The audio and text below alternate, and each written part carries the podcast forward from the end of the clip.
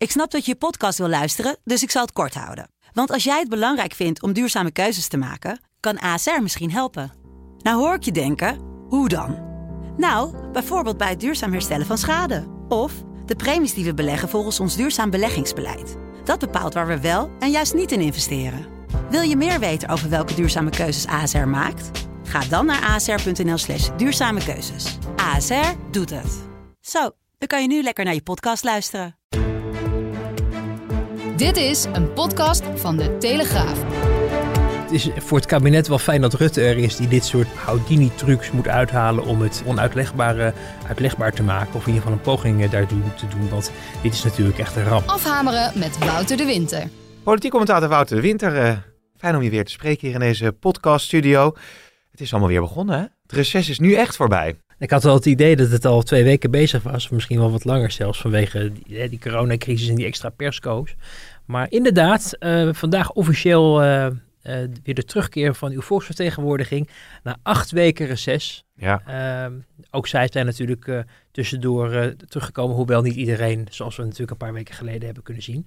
Ehm, maar ehm, officieel zijn ze teruggekomen een paar keer. Maar nu echt in volledige samenstelling worden ze geacht weer acte de présence te geven. Ja, we gaan het eh, zo meteen hebben over wat er afgelopen weekend gebeurde. Want je bent naar Groningen getogen, het Hoge Noorden. Zeker. Waar eh, D66 een bijeenkomst had. En Ton Visser, de grote concurrent van Sigrid Kaag om het kandidaat lijsttrekkerschap, Ja. zich presenteerde aan eh, Ja, ja, Ton Visser was, eh, ja, was toch wel een interessante gebeurtenis. eh. je hoorde er in de D66-kringen natuurlijk wel al over dat, eh, ja, hoe, hoe noemen ze hem eigenlijk? Ze noemen hem eigenlijk gewoon een gek. Dat, kunnen wij eigenlijk Oh. wel gewoon zeggen, ja. Maar ja, iemand die in China woont en zich wel vaker naar voren schuift op het moment dat er verkiezingen moeten komen of iets te kiezen valt, maar die niet echt serieus genomen wordt als een, als een, ja, als een echte serieuze kandidaat voor het leiderschap. En dat Hmm. merkte hij ook wel aan, aan dat optreden. Dat was wel, eh, ja, dat ging alle kanten op. En eh, op een gegeven moment zei hij zelfs nog dat Sigrid Kaag eigenlijk een veel betere kandidaat was. En dat mensen maar vooral op haar moesten stemmen. Hmm. Toen dacht ik, god, heb ik toch anderhalf uur naar een toneelstukje zitten kijken op een zaterdagavond in Groningen Ja, inderdaad. daar helemaal eh, naartoe gereden om eh ja, maar dat doe ik allemaal voor onze lieve luisteraars Ja, en lezers. uiteraard. En ik kwam geen Sander en, en Joost tegen trouwens daar. Dus Oké, van, hoort het hier als van, de, eerste. van de publieke omroep. Ja, Ja. nee, duidelijk een vandaag en de NOS. Nou ja, daarover later natuurlijk meer. Ook misschien nog even over de eh, verlaging van de BTW. Dat is een voorstel waar de PVV eh, nu mee komt. Dat het boodschappen doen eh, goedkoper wordt in deze crisistijd. En dat we Duitsland en eh, België daarin gaan volgen. Maar zullen we het eerst nog even hebben over Grapperhaus en het huwelijk. Ehm, jij had... eh, dat hadden we ook niet verwacht, hè? Dat twee weken geleden dat we het daarover zouden hebben. wij spraken elkaar eh, vrijdag nog eh, hier in de studio. Eh, daarna ging je naar de persconferentie met premier Mark Rutte. En dat werd een, een, een stevig vraaggesprekje. We moeten ons houden aan de regels. En dat is van echt heel groot belang, want daarmee voorkomen we de verspreiding van het virus. Dus als je je fout erkent eh, en daar verontschuldigingen voor aanbiedt bij de BOA's of de politie, eh, dan eh, kan je die boete ook wel eh, verscheuren. Nee, nee, nee, natuurlijk niet. Eh, eh, alleen het is niet een doel om boetes uit te schrijven. Het doel is dat in dit land eh, van volwassenen tot volwassenen met elkaar in gesprek zijn en zeggen we zitten met een rotsituatie, met een virus wat niemand heeft gewild, wat een enorme impact op onze samenleving heeft. Rutte die zegt eh, nee, eh, nee.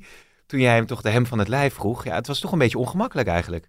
Reken maar, het was heel ongemakkelijk. En eh, het, is, het, is, het is voor het kabinet wel fijn dat Rutte er is die dit soort, eh, die dit soort eh, Houdini-trucs moet uithalen om het, het onuitlegbare ja, uitlegbaar te maken. Of in ieder geval een poging daartoe te doen. Want dit is natuurlijk echt een ramp. Hè? Ook, ook Rutte die zich toch voortdurend de afgelopen maanden eh, ook publiekelijk steeds heel erg heeft gerealiseerd dat hij het middelpunt van de belangstelling staat. Dat mensen naar hem kijken en extra opletten op het moment eh, dat er bijvoorbeeld die anderhalve meter samenleving in het eh, geding is. En ehm, nou ja, eh, dan, dan met zulke foto's geconfronteerd worden, waar niet alleen eh, de minister van Justitie, die dus het symbool is van het handhaven van de coronaregels, maar ook de staatssecretaris van Justitie, hè, want laten we dat niet vergeten, die was er ook gewoon bij. Die Hm. was ambtenaar van de burgerlijke stand voor de gelegenheid en ging het, eh, het paard trouwen. Eh, zij is van VVD-huizen. En eh, VVD zit wat dat betreft dus ook al een beetje met de vingers tussen de deur. Want ook de staatssecretaris had vanuit haar hoedanigheid en verantwoordelijkheid natuurlijk op zich ook aanwijzingen kunnen geven op dat bordes. Of, of mensen van ver- te verwittigen dat, eh, dat dit gevaarlijk was. Men heeft zich onbespied gebaand. die foto's, of de, de externe fotograaf kennelijk niet gespot. En met alle gevolgen van dien. Nee, ongelooflijk. Ankie Broekers-Knol, daar, eh, daar doe je dan op, uh, neem ik aan, dat hij daarbij bij aanwezig was. Maar dan had je toch een beetje, misschien vanuit het kabinet uh, hadden zij de hoop van, nou, daar hebben we zo'n persconferentie. Grapperhaus gaat door het stof, geeft dat geld aan het Rode Kruis. Ja. zegt nog een paar keer sorry, daarmee de kous af. Maar eigenlijk is dat niet zo, want als je nu nou, bericht uit de krant van vandaag ook leest, dan... lees je dat, dat, dat BOA's terughoudender zijn in het uitdelen van boetes. Omdat ze zich eigenlijk ongemakkelijk voelen van ja, ik moet nu allerlei burgers gaan mhm. aanspreken en beboeten. Terwijl ik net een, uh, een minister heb gezien die een huwelijk vierde en zelf de regels aan zijn laars lapte. Ja, je krijgt eigenlijk dezelfde situatie, of een vergelijkbare situatie als uh, we hebben gezien met de grote demonstratie tegen racisme op, op de Dam. Hè, waar de burgemeester van Amsterdam natuurlijk een, een dubieuze rol speelde. En toen ging er ook eigenlijk een Pavlov-reactie, ook door de stad, maar ik denk ook in de rest van Nederland. Van ja, als, wij houden ons allemaal aan de regels en in Amsterdam mag het allemaal maar. En is het, is het, is het gezag niet bezig om de regels actief te handhaven. Ja, dit is wellicht misschien nog een gaatje erger, omdat het nu echt gaat over de, de minister die voor het hele land, zelfs ook nog op televisie, op door het Vondelpark rijdt om mensen te waarschuwen dat ze zich aan de regels moeten houden. En dat ze asociaal bezig zijn op het moment dat ze dat niet doen. Um, ja, ze, ik denk dat ze in het kabinet wel echt stevig hebben gebaald hoor. Dat is, dat merkt je ook wel als je mensen sprak erover. Maar de volgende vraag is, hoe geloofwaardig is Grapperhaus nog en kan hij door? Nou, die geloof geloofwaardigheid heeft wel een enorme tik opgelopen. Dus ik denk wel dat, dat hij, uh, ja, eh, ik weet, ik, in ieder geval op korte termijn is, is die schade moeilijk te herstellen, denk ik. Mhm. Ehm, er is natuurlijk ook her en der een roep op, uh, op zijn aftreden, hè, dat, hij, dat hij weg moet. En, en dat is denk ik weer een wat lastiger situatie. Uh, ook omdat men in het kabinet, in het CDA, maar ook bij de VVD, vanwege de reden die ik net noemde, um, niet echt geneigd is om um, nu nog experimenten te gaan beginnen met nieuwe bewindspersonen. Er is wel even, hoorde ik in de coalitie, het idee geopperd om misschien de verantwoordelijkheid te verplaatsen. Uh, van uh, het handhaven van de coronaregels naar ja. de minister uh, voor rechtshandhaving. Hè, dat is minister Dekker. Ja. Die zit ook op het ministerie van Justitie. Um, maar daar is uiteindelijk toch um, is daar, ja, is, is daar niks van terechtgekomen. En daar zit ook natuurlijk altijd weer een politieke afweging bij. Mocht zoiets echt serieus uh, door iemand worden geopperd, dan uh, wordt de VVD min of meer verantwoordelijk voor het handhaven van de coronaregels. En ik denk dat in verkiezingstijd en met het onzekere najaar wat, en winter die we nog gaan krijgen, ook de VVD niet staat te springen om deze hete aardappel even nu op het bordje van eh, de eigen minister geschoven te krijgen. Nee, maar daar zeg je nog eens wat, zeg. Als uh, Grapperhuis, uh, Grapperhaus eigenlijk uh, ja, ontheven zou worden uit, uit die functie, dat, dat, nou, dat, ja, dat, dan kan je bij wijze spreken net zo goed aftreden. Dat is toch, dan is je hele geloofwaardigheid als minister überhaupt weg. Nou, dat zou in de, de, de, de, de, de, fallout van zoiets zou natuurlijk wel groot zijn. Uh, het, is een, het is een scenario wat vorige week uh, vrijdag uh, rond de ministerraad werd geopperd in de coalitie. er is ook in de ministerraad gesproken over deze hele affaire natuurlijk met Grapperhaus. Ehm, maar ja, op het moment dat je één domino-steentje omtikt, gaan er misschien meer vallen. Hè? Want dan is natuurlijk ook de vraag van wat, waarom heeft moet, moet uh, Ankie Broekers-Knol dan niet ook ergens verantwoordelijkheid voor dragen? En, en wat betekent het verder voor, de, voor het verloop van de coronacrisis? Dus dat, dat, als je daar een verandering op, op dit niveau uh, gaat doorvoeren, dan um, ja, gaat er misschien wel veel meer veranderen dan mm. men lief is. wat niet wegneemt dat natuurlijk die zorgen van, van die BOA's en ik denk ook van politieagenten heel reëel zijn. Hè? Je kan het je heel goed voorstellen dat er mensen op straat zeggen: ja, waarom, hoe durf je mij te beboeten als, als uh, het nationale symbool van de, van de handhaving uh, zichzelf al niet aan de regels houdt. Dat is natuurlijk heel ernstig. Dus uh, ja, het kabinet heeft wel echt op dit terrein een, een hele moeilijke kwestie te pakken. Die in de Kamer overigens een beetje in de marge plaatsvindt qua, qua verontwaardiging. hè, Merel Koten van Arissen, het, het ja. inpitter is ermee bezig. We hebben ook wel iets van, van, grap, van Geert Wilders erover gehoord. Maar veel Kamerleden waren terughoudend.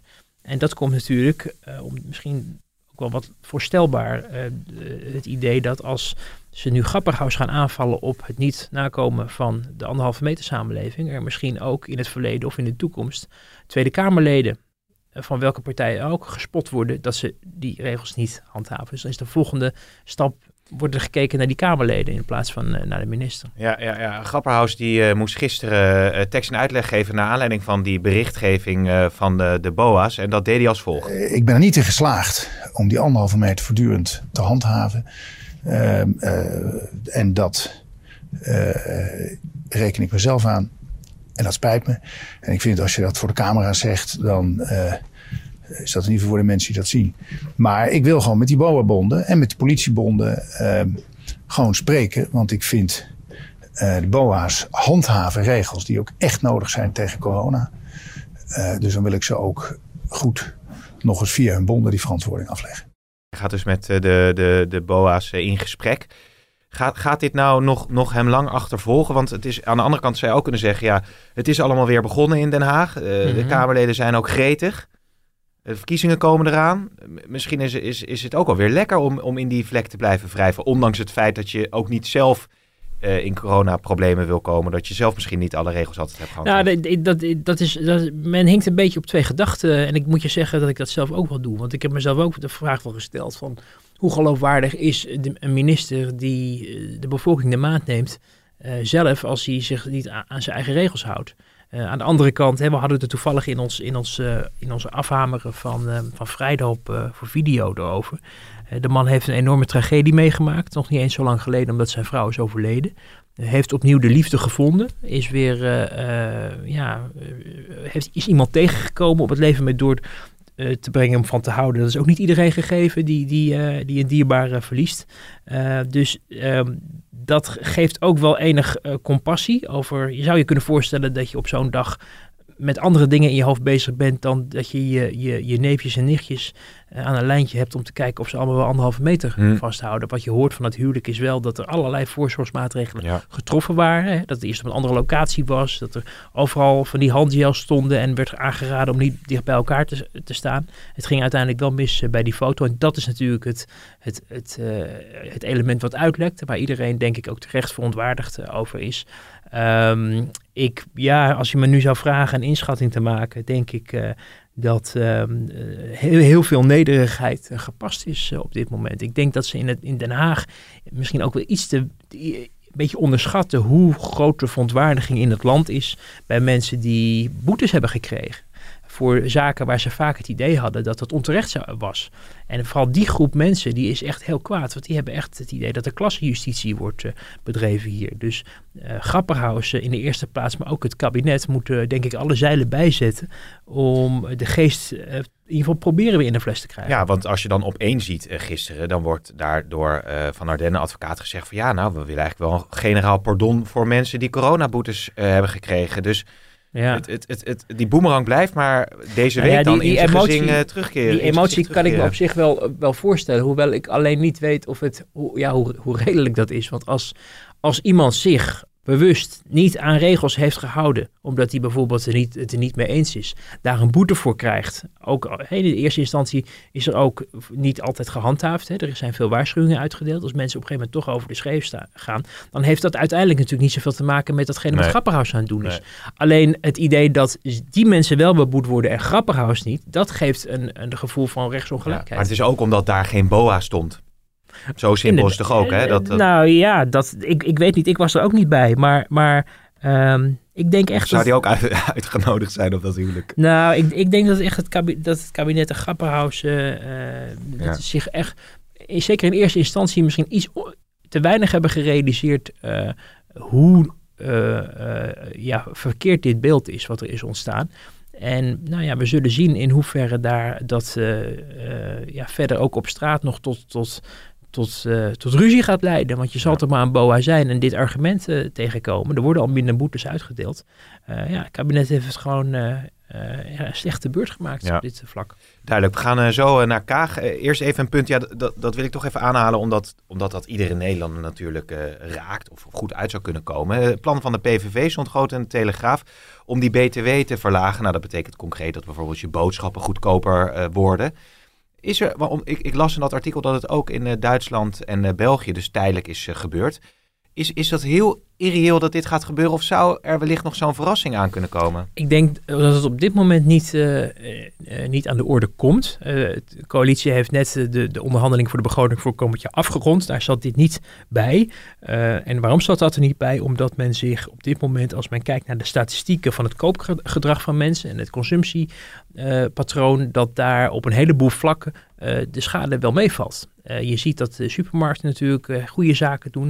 Ik heb me laten vertellen dat ook de, de, de, de fabrieken, de leveranciers van allerlei zaken die met het in en om het huis plaatsvinden het goed doen. Uh, dan gaat het bijvoorbeeld om, om, om, om bordspellen, hè, de, de vakantie mhm. thuis vieren, maar ook om de opblaaszwembaan en dat soort zaken. Um, waar het minder goed gaat, vertelde iemand uit het kabinet mij op, is de, de, de, de, de pakken, de maatpakken. Uh, en, en de schoenen, omdat oh, mensen toch minder naar hun werk gaan en daardoor ook minder slijtage Jij kennelijk aan hun pak. Uh, nou, niet één, meerdere zelfs. uh, maar maar er zijn dus mindere, meer, meer ehm, het is een beetje een diffuus beeld. En je hoort zelfs berichten vanuit het kabinet dat ze cijfers hebben dat het in sommige sectoren zelfs op dit moment beter gaat dan het vorig jaar om deze tijd ging. dat beeld is dus heel divers. Uh, en staat los van de, de, de, de, de verschrikkelijke verhalen voor sommige mensen in de horeca bijvoorbeeld. Hè, of de nachtclubs die nog steeds zonder omzet uh, zitten. Dat zijn, dat zijn weer hele sectoren die heel zwaar getroffen zijn. Maar er zijn ook sectoren die beter gaan. En um, het kabinet bekijkt die cijfers en ziet ook dat veel mensen die een baan hebben... Uh, ook gewoon hun geld hebben gekregen al die maanden. veel mensen hebben dat ook een beetje opgepot. En, en dat de, de, de, nood om nu de belastingen te verlagen, de, de BTW te verlagen, uh, niet zo hoog is dat dat nodig is. Ja. Betekent niet dat dat op een gegeven moment niet zou kunnen gaan gebeuren als de, de boel helemaal in elkaar klapt en de vooruitzichten slecht worden.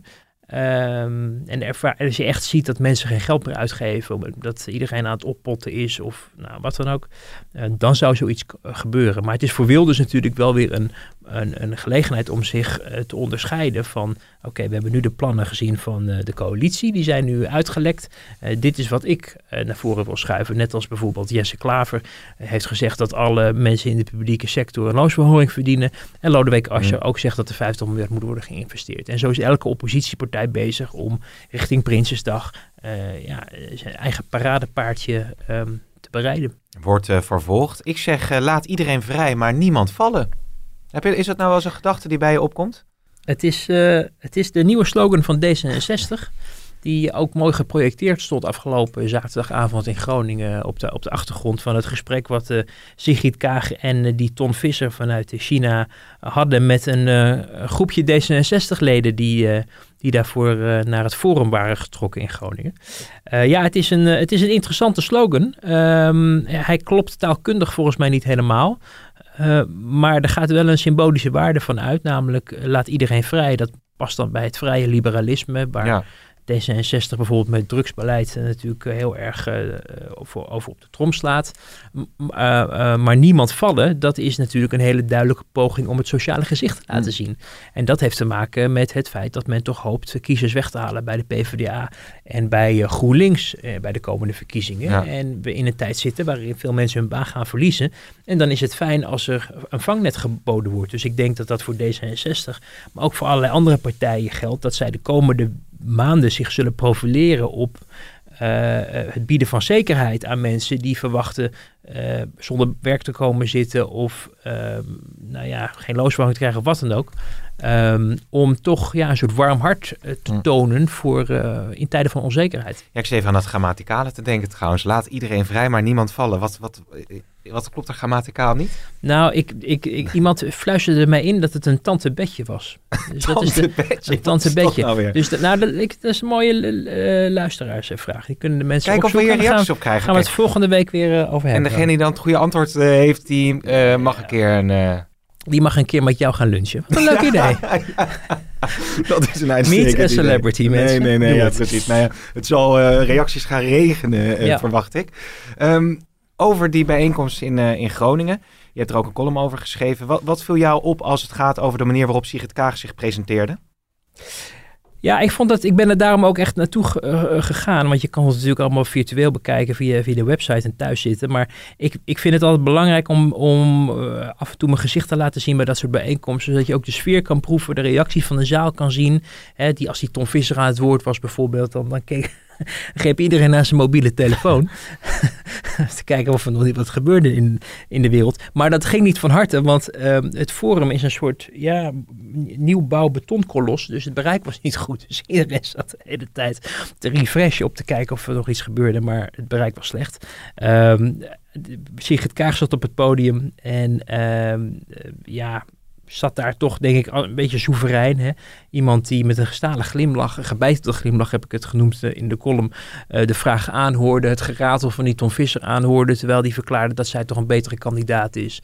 En dan voelde ze wat aan de haar en ze sloeg haar benen nog eens uh, om. ik denk, nou, die is gewoon het corvée aan het uitzitten. Hm. Het was de derde bijeenkomst. Binnenkort wordt ze aangesteld als leider en dit hoort er nou een beetje bij. Ja. Wat je merkte is dat de vragen die gesteld waren, uh, werden eigenlijk stevast door haar beantwoord werden met, met uh, ja, gemeenplaatsen waar je echt alle kanten mee op kan. Het is belangrijk dit, je moet, eh, we hebben aandacht nodig voor dat. En het werd weinig concreet. En het was vooral veel mensen, vond ik toch een beetje naar de mond praten. vindt u het dan niet belangrijk dan dit? En wat moet er dan gebeuren met het wetenschappelijk onderwijs? En, en dan zei ze, ja, mijn ouders waren leraren, dus ik heb hard voor het onderwijs. Nou ja, weet je, dat is... Hm. Dus je merkte dat, dat daar nog wel wat aan wat krachten uh, te winnen viel. Uh, haar sterke punt is natuurlijk de buitenlandse politiek. Daar is ze ook minister op. heeft ze veel ervaring op. Alleen ik vraag me altijd af of je de verkiezingen gaat winnen met, met wat je van het buitenland vindt en wat je ervaringen daar zijn. Hè? dus ik denk dat ze zich heel erg zal moeten verbreden de komende tijd. En je, ik heb ook een beetje navraag gedaan van goh Spreekt ze daarover met mensen? Laat ze zich influisteren door mensen? Of verdiept ze zich in bepaalde onderwerpen? En nou ja, zo goed en zo kwaad als het kan, hoor je dan dat ze bijvoorbeeld contact heeft uh, uh, over het poldermodel met uh, Hans de Boer van VNO-NCW. Mm -hmm. Dat ze daar veel van zou hebben opgestoken. Um, je hoort ook dat er uh, uh, bijvoorbeeld uh, gesproken wordt met Janine Hennis, de voormalig minister van Defensie okay. voor de VVD, die nu in Irak zit als gezant. Hoewel ik me wel een beetje afvroeg van, goh, wat is nou precies de, de, de, de wie, wie leert nou van wie? Ik dacht eigenlijk het eerder dat uh, Janine Hennis misschien wat opstak van uh, Sigrid Kaag wat dat betreft. Maar er wordt gezegd dat ze een vriendschappelijke relatie hier okay. inmiddels hebben opgebouwd. Nou, dat heb ik even bij mevrouw Hennis uh, gecheckt, maar die, uh, was nog niet in staat om te antwoorden. Misschien is het bereik ook slecht in, in Irak. Dus, uh, maar je hoort dus wel dat ze dat, dat, dat zouden dan op moeten wijzen dat ze zich wel aan het verbreden is. Maar ik, ik merk er eigenlijk nog niet heel erg veel van als ik er hoor praten. Hè. Ze heeft nu gezegd 3% van het nationaal inkomen moet naar het wetenschappelijk onderwijs. Nou, dat klinkt dan weer heel concreet. Uh, maar is volgens mij iets wat ze van Wouter Koolmees heeft gehoord, die het uh, verkiezingsprogramma aan het schrijven is voor D66. Uh, en met wie ze ook veel contact heeft. En die inspireert haar af en toe ja. wel over de algemene politieke lijnen. maar ik denk wel dat, dat ja, wil, je, wil je echt inhoudelijk een concurrent zijn voor de rest, dan moet je echt laten zien dat je ook op andere vlakken echt wel weet waar je het over hebt. Ja. Dat is tot nu toe, vind ik, nog niet het uh, geval. En ze moet ze toch wel hebben van uh, uh, ja, haar persoonlijkheid. Waarvan ik wel denk dat het een, en dat moeten we echt niet onderschatten hoor, echt wel een, een, um, een onderscheidend is vergeleken met de rest van de concurrentie. Als het gaat om Jesse Klaver, die loopt ook alweer jaren mee in Den Haag toch niet echt maar succes geworden. Verkeerde beslissing om niet mee te gaan regeren. Die ja, heeft ook die hele klimaatagenda is toch ook een beetje nu door zijn vingers aan het glippen. Want het gaat meer om zekerheid, economie nu, coronacrisis. Uh, je hebt Lodewijk Asscher die natuurlijk al een tijdje meeloopt. Je hebt Mark Rutte die een tijdje meeloopt. Het zijn ook allemaal mannen. Zijn ze vrouw? Zij kan op een hele andere manier zichzelf straks positioneren. Waarmee misschien zelfs de inhoud niet eens zo ontzettend belangrijk is. Mm. Maar het feit dat er nu ook eens een vrouw is die uh, in het midden van de politiek staat. Hè, bij een middenpartij leidt en haar mannetje of haar vrouwtje staat. Uh, zonder dat ze zich laat wegblazen. Want ik denk niet dat ze zich snel laat afbluffen. Zoals we bij andere mensen nog wel eens hebben gezien de afgelopen jaren. als ze de confrontatie ingingen met Rutte of zo. Nee, ik denk nee, wel dat nee. ze echt. Uh, ja, ze, uh, haar, haar, vrouwtje staat. En dat dat op zich wel een interessante dynamiek kan opleveren. als er confrontaties zijn ja. in debatten. Haar vrouwtje staat, dat hoor je eigenlijk niet veel. Maar dat.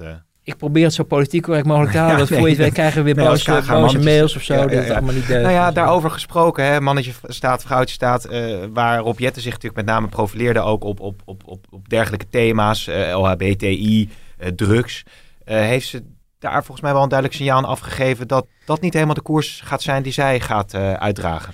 Ja, dat, dat was wel interessant. Eh, ehm, zij gaf heel duidelijk aan dat eh, D66 niet een partij is van drammen. Ze zei, ja, dat was destijds een geuzetitel, maar D66 is niet Ja, een partij van ja. drammen. Dat ik dacht, oh, nou, die, hoe je Wat het stond er nou op die t-shirts ook alweer?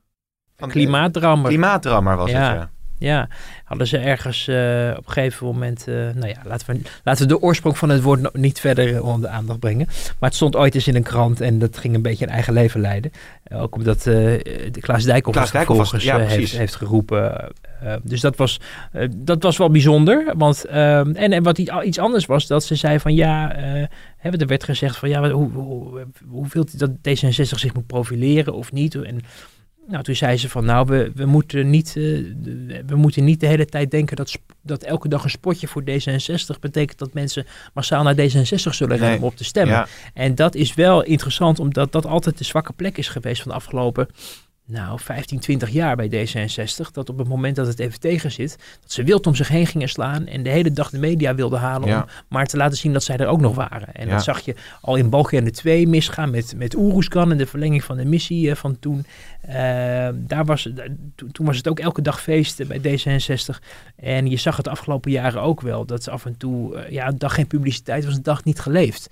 En je merkte wel heel duidelijk dat, dat Kaag die manier van politiek bedrijven dus niet zint. En dat zal wel een verandering, eh, denk ik, teweeg brengen vergeleken met wat we de afgelopen eh, maanden of jaren zien. Nog één opvallend element, Wouter. Vond ik ook echt. Jij eh, schreef in je column over een, een tweetje van Sigrid Kaag. Waarin ze eigenlijk een beetje een sneer gaf Ja. naar Hugo de Jonge en het CDA. Ja. Ja, ze deed het voorkomen alsof ze zelf had, in één keer op Hugo de Jonge had Ja. gestemd, eh, zo ongeveer. Dat, dat, is, dat is toch niet echt chic. Nee, het, het, het was natuurlijk grappig bedoeld. En ik denk dat haar mediateam dat, eh, dat kennelijk voor haar geregeld heeft. En dat zij daar, neem ik aan, een goedkeuring aan gegeven heeft. Want eh, ik denk dat niet dat ze zelf aan het knippen en plakken is geweest. eh, of voor het, maar, hè? Misschien Is kan ze dat ook nog, je weet het niet. Ja, nou, er- ja, dat zou een verborgen talent zijn. Maar het, het, het geeft ook maar weer aan dat, bedoel, dat is ook als je leider bent, moet je dus ook dat soort dingen eh, in de gaten houden. Ja. En ook even een stapje verder kijken van is het een leuk grapje of wat doet het verder met de verstandhouding. En je merkte in het CDA dat er ergernis over was. Want die hadden zoiets van ja, wij liggen op de grond en een coalitiegenoot notabene. Iemand met wie je samen toch Ja. met z'n allen de verantwoordelijkheid dragen de kar moet trekken.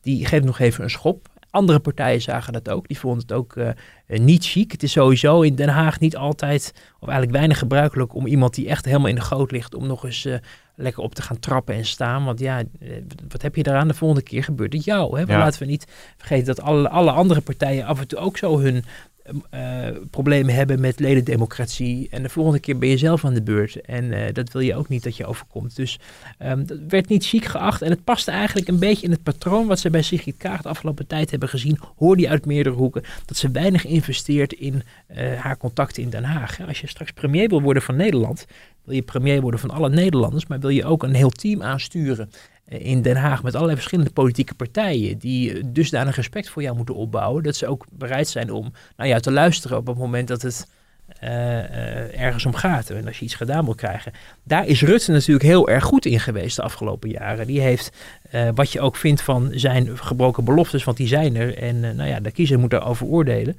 Eh, maar één vermogen heeft hij heel goed eh, in de vingers. En dat is eh, toch partijen bij elkaar brengen. Hè? Bijna tien jaar zonder meerderheid in de Senaat een kabinet aan het leiden. En de, wetsvoorstellen worden allemaal goedgekeurd. Of bijna allemaal goedgekeurd. Vrijwel allemaal goedgekeurd.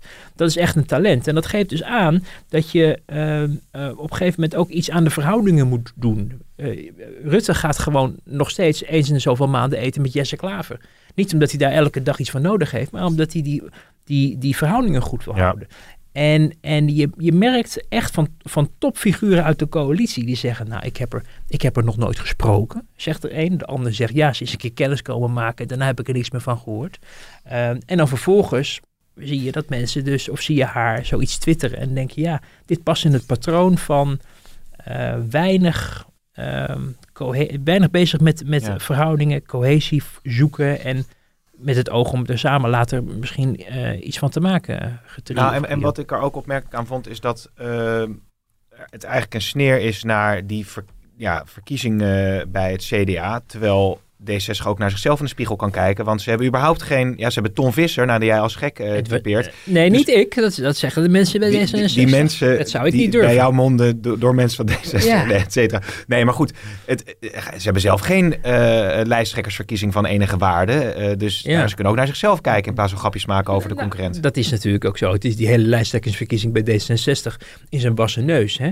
Er is niet een serieuze concurrent voor Sigrid Kaag. Eh, en, en wat dat betreft is het ook eh, inderdaad nu heel makkelijk scoren. Ehm, eh, in, een, in een partij die zoveel ze- zegt op te Ja. hebben met democratie. zou je toch hopen dat er ook sprake zou zijn van een serieuze strijd om het leiderschap. Want even los van het charisma van, van Sigrid Kaag, ze heeft natuurlijk verder ook niet zoveel laten zien de afgelopen jaren. Nee. Dus er is weinig reden om aan te nemen, behalve dan het charisma, eh, dat zij een hele goede partijleider zou zijn. Want we hebben haar heel weinig gehoord over allerlei andere dingen die niet te maken hebben met Europa of met wat er in het Midden-Oosten gebeurt. Duidelijk.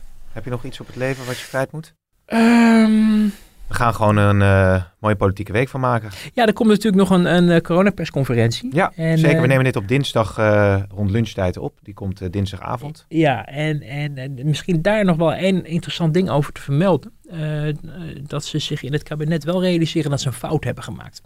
En die fout betekent dat zij niet hadden moeten stoppen met die persconferenties. Dus ze zijn daar in juni mee gestopt. Want daardoor ontstond bij de bevolking een idee eh, van nou goed, eh, het gevaar is geweken en we kunnen weer op vakantie en ja, af en toe een mondkapje op, maar dat is het ongeveer wel.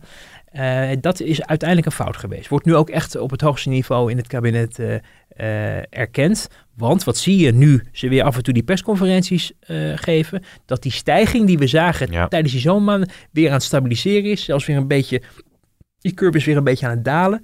Eh, dus we gaan nu zien dat we, denk ik, elke twee, drie weken die persconferenties gaan zien. Omdat er miljoenen mensen naar zitten te kijken en het ook een effect sorteert. Er was wat terughoudendheid in het kabinet op een gegeven moment, omdat de kritiek was van ja, elke twee weken een groot miljoenenpodium voor Rutte en voor de jongen. En dat is electoraal ook niet eh, chic en, en het is Hmm. niet aardig voor de rest van, de, van het politieke spectrum. Maar in het laatste coronadebat werd juist door de oppositie geroepen... waarom heeft u geen persconferentie gehouden? Waarom heeft u het Ja. allemaal op zijn beloop gelaten? En toen dacht het kabinet... oké, maar als jullie ons zo vragen... dan gaan we wat dat betreft ook de remmen los. Dus elke twee, drie weken een persconferentie. Hou daar rekening mee. Of er veel zal veranderen... eh, dat durf ik te betwijfelen. Het wordt eigenlijk elke twee, drie weken een streng gesprek van het landsbestuur Oh. voor de bevolking. Ja, Nou, ja, ja. Nou, eh, we maken onze borst eh, daarvoor nat. Wouter, eh, dank. En u natuurlijk bedankt voor het luisteren.